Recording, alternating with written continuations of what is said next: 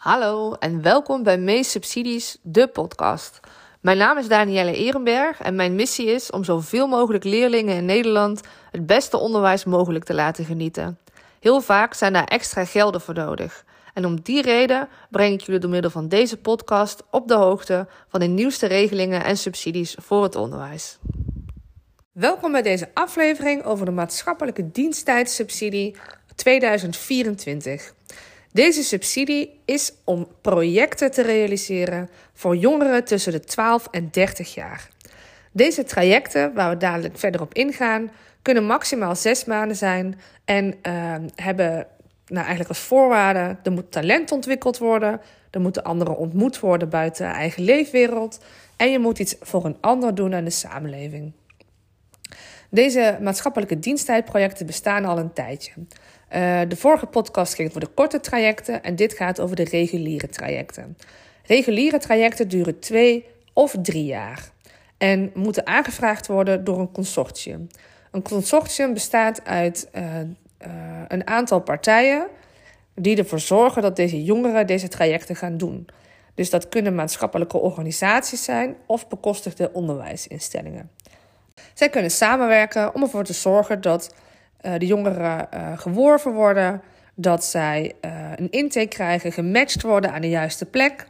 De begeleiding van de jongeren tijdens hun zesmaandse reis. Of nou ja, ik noem het een reis, maar dat komt omdat ik ontwikkeling als een reis zie.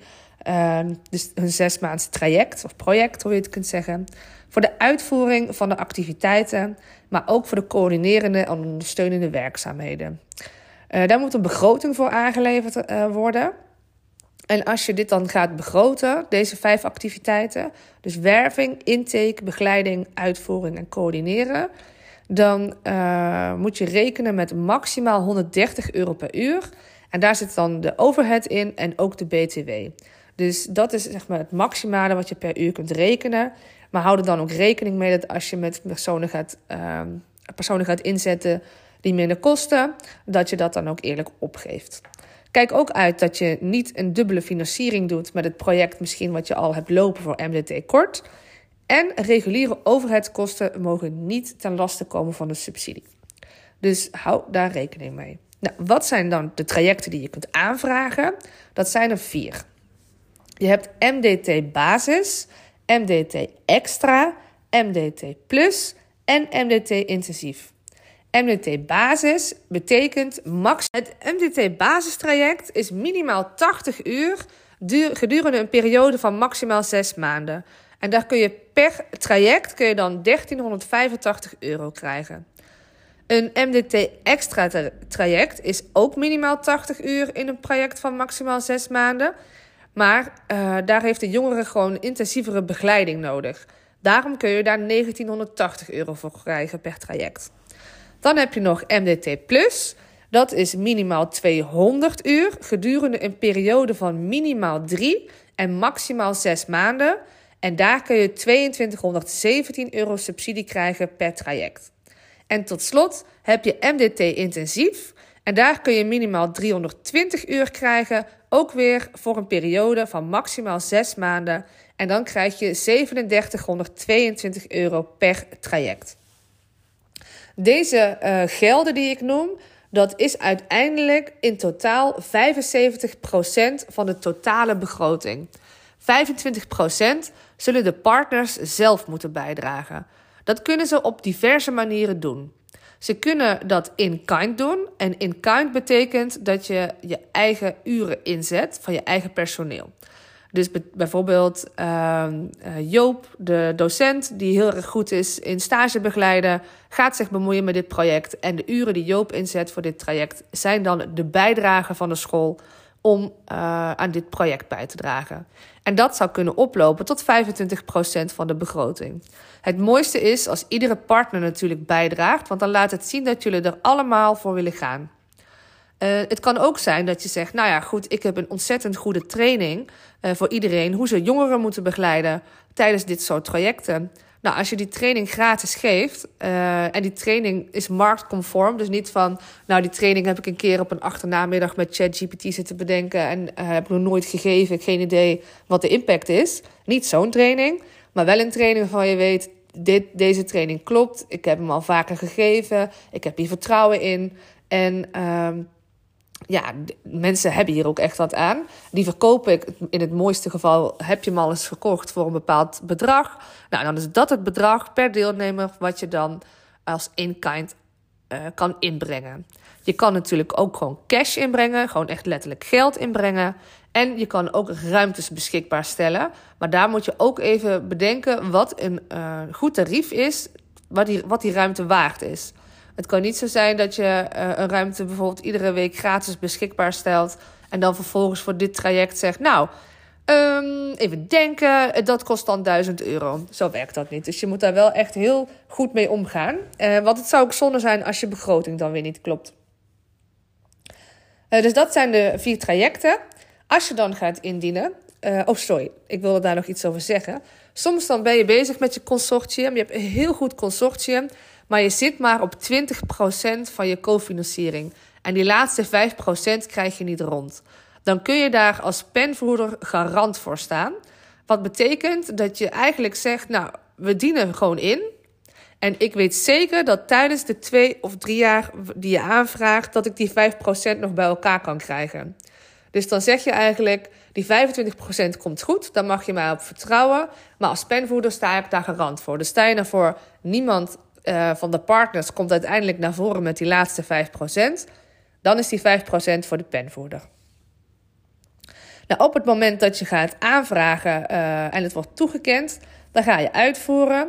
En daar zitten toch wel een aantal verplichtingen aan die echt belangrijk zijn. Want op het moment dat je je daar niet aan voldoet, dan zul je een stukje terug moeten betalen omdat je subsidie lager wordt vastgesteld. Zo is het dat minstens 85% van de voorgenomen trajecten moet worden afgerond. Als dat zo is, dan krijg je ook het geld voor de niet afgeronde trajecten. Heb je minder dan 85% afgerond, dan wordt de subsidie lager vastgesteld, maar dan krijg je dus ook geen subsidie voor het traject dat niet is afgerond. Belangrijk is verder dat een MDT-traject vrijwillig is. En jongeren moeten hier aan willen deelnemen. En daar is een uitzondering op, namelijk als uh, vanuit de leerplichtwet of de participatiewet jongeren toegeleid worden naar school dan mag je MDT inzetten op een iets wat verplichtende manier. Uh, je moet overal het MDT-logo gebruiken. Dus als je een nieuwsbrief uit, als je ergens vertelt op een bijvoorbeeld een, een publieke gelegenheid, als je een stand hebt of iets in die richting, zorg ervoor dat dat logo goed uh, zichtbaar is. Binnen 12 maanden na startdatum vraag je ook het label aan. Dat doe je via een bepaald e-mailadres. Dat kun je uh, op de website van DusE zien. Dat is mdtproeflabel.doe met mdt.nl. En proeflabel is P-R-O-O-F, niet P-R-O-E-F. Nou, iedere jongere krijgt een certificaat. Je houdt een hele goede deelnemersregistratie bij. En je doet mee aan het onderzoek wat verplicht is en gekoppeld is aan het MDT-programma. Nu kan ik me voorstellen dat er toch nog een aantal vragen zijn, vooral als je al gewend bent om MDT aan te vragen. In voorgaande uh, rondes was het verplicht om een theory of change te formuleren. Dat is op dit moment niet verplicht. Je mag er wel één toevoegen aan je aanvraag. Maar goed, ja, je mag dat natuurlijk wel doen. Maar het wordt alleen maar meegenomen in de beoordeling als er concreet naar wordt verwezen in de aanvraag. Dus als je hem gewoon uploadt en in je aanvraag zeg je er niks over, dan wordt hij, als, uh, dan wordt hij niet meegenomen. Dus als je hem dan bijvoegt, doe het dan goed, zeg maar. Um, als, je, als je organisatie minder dan een jaar bestaat, mag je dan subsidie aanvragen? Nou, dat mag. Maar dan moet je wel aantonen dat je geschikt bent om als penvoerder op te kunnen treden. Dus dan moet je allerlei uh, jaarstukken even op gaan sturen, zodat ze kunnen concluderen of je het financieel risico, uh, het organisatorische stuk en de continuïteit kan dragen. Dat wordt dan niet door jou beslist, maar door uh, het ministerie. Um, maar als je je zaakjes gewoon goed op orde hebt, is dat geen probleem. Jaarrekening moet sowieso aangeleverd worden. Dat is sowieso omdat ze kijken naar solvabiliteit en financiële draagkracht. En uh, nou, waar, waar eigenlijk, als je een beetje wil weten waar ze naar kijken, je moet er rekening mee houden dat ze verwachten dat je 10% van het project kunt voorfinancieren. Uh, dus dan kun je bijvoorbeeld een recent banksaldo laten zien of, uh, of andere stukken die dat, die dat laten zien. De reden dat ze dat gedaan hebben is omdat er best wel grote bedragen aangevraagd kunnen worden. Hè?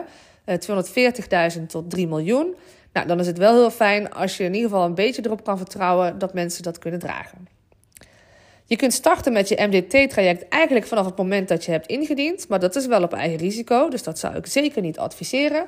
Um, ik zou adviseren dat je pas start op het moment van toekenning. En dan heb je nog zes maanden na toekenning om echt te starten met je project.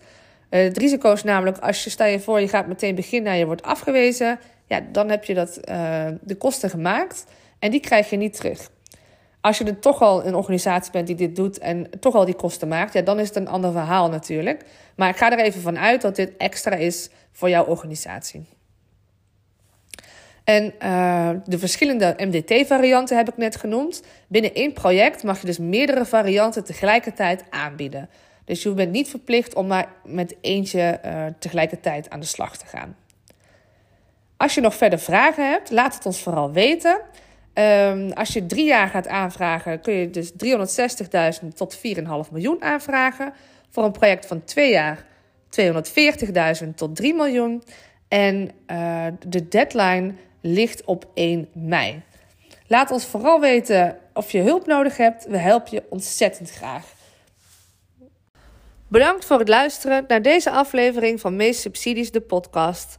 Als je nu zelf een regeling hebt die je graag uitgelegd wil hebben, stuur me dan even een berichtje, dan maak ik daar ook een aflevering van. Voor nu een hele fijne dag gewenst en ik zie je graag een volgende keer. Je kan je abonneren op deze podcast, zodat jij ook op de hoogte blijft van alle relevante regelingen en subsidies voor jou en je organisatie.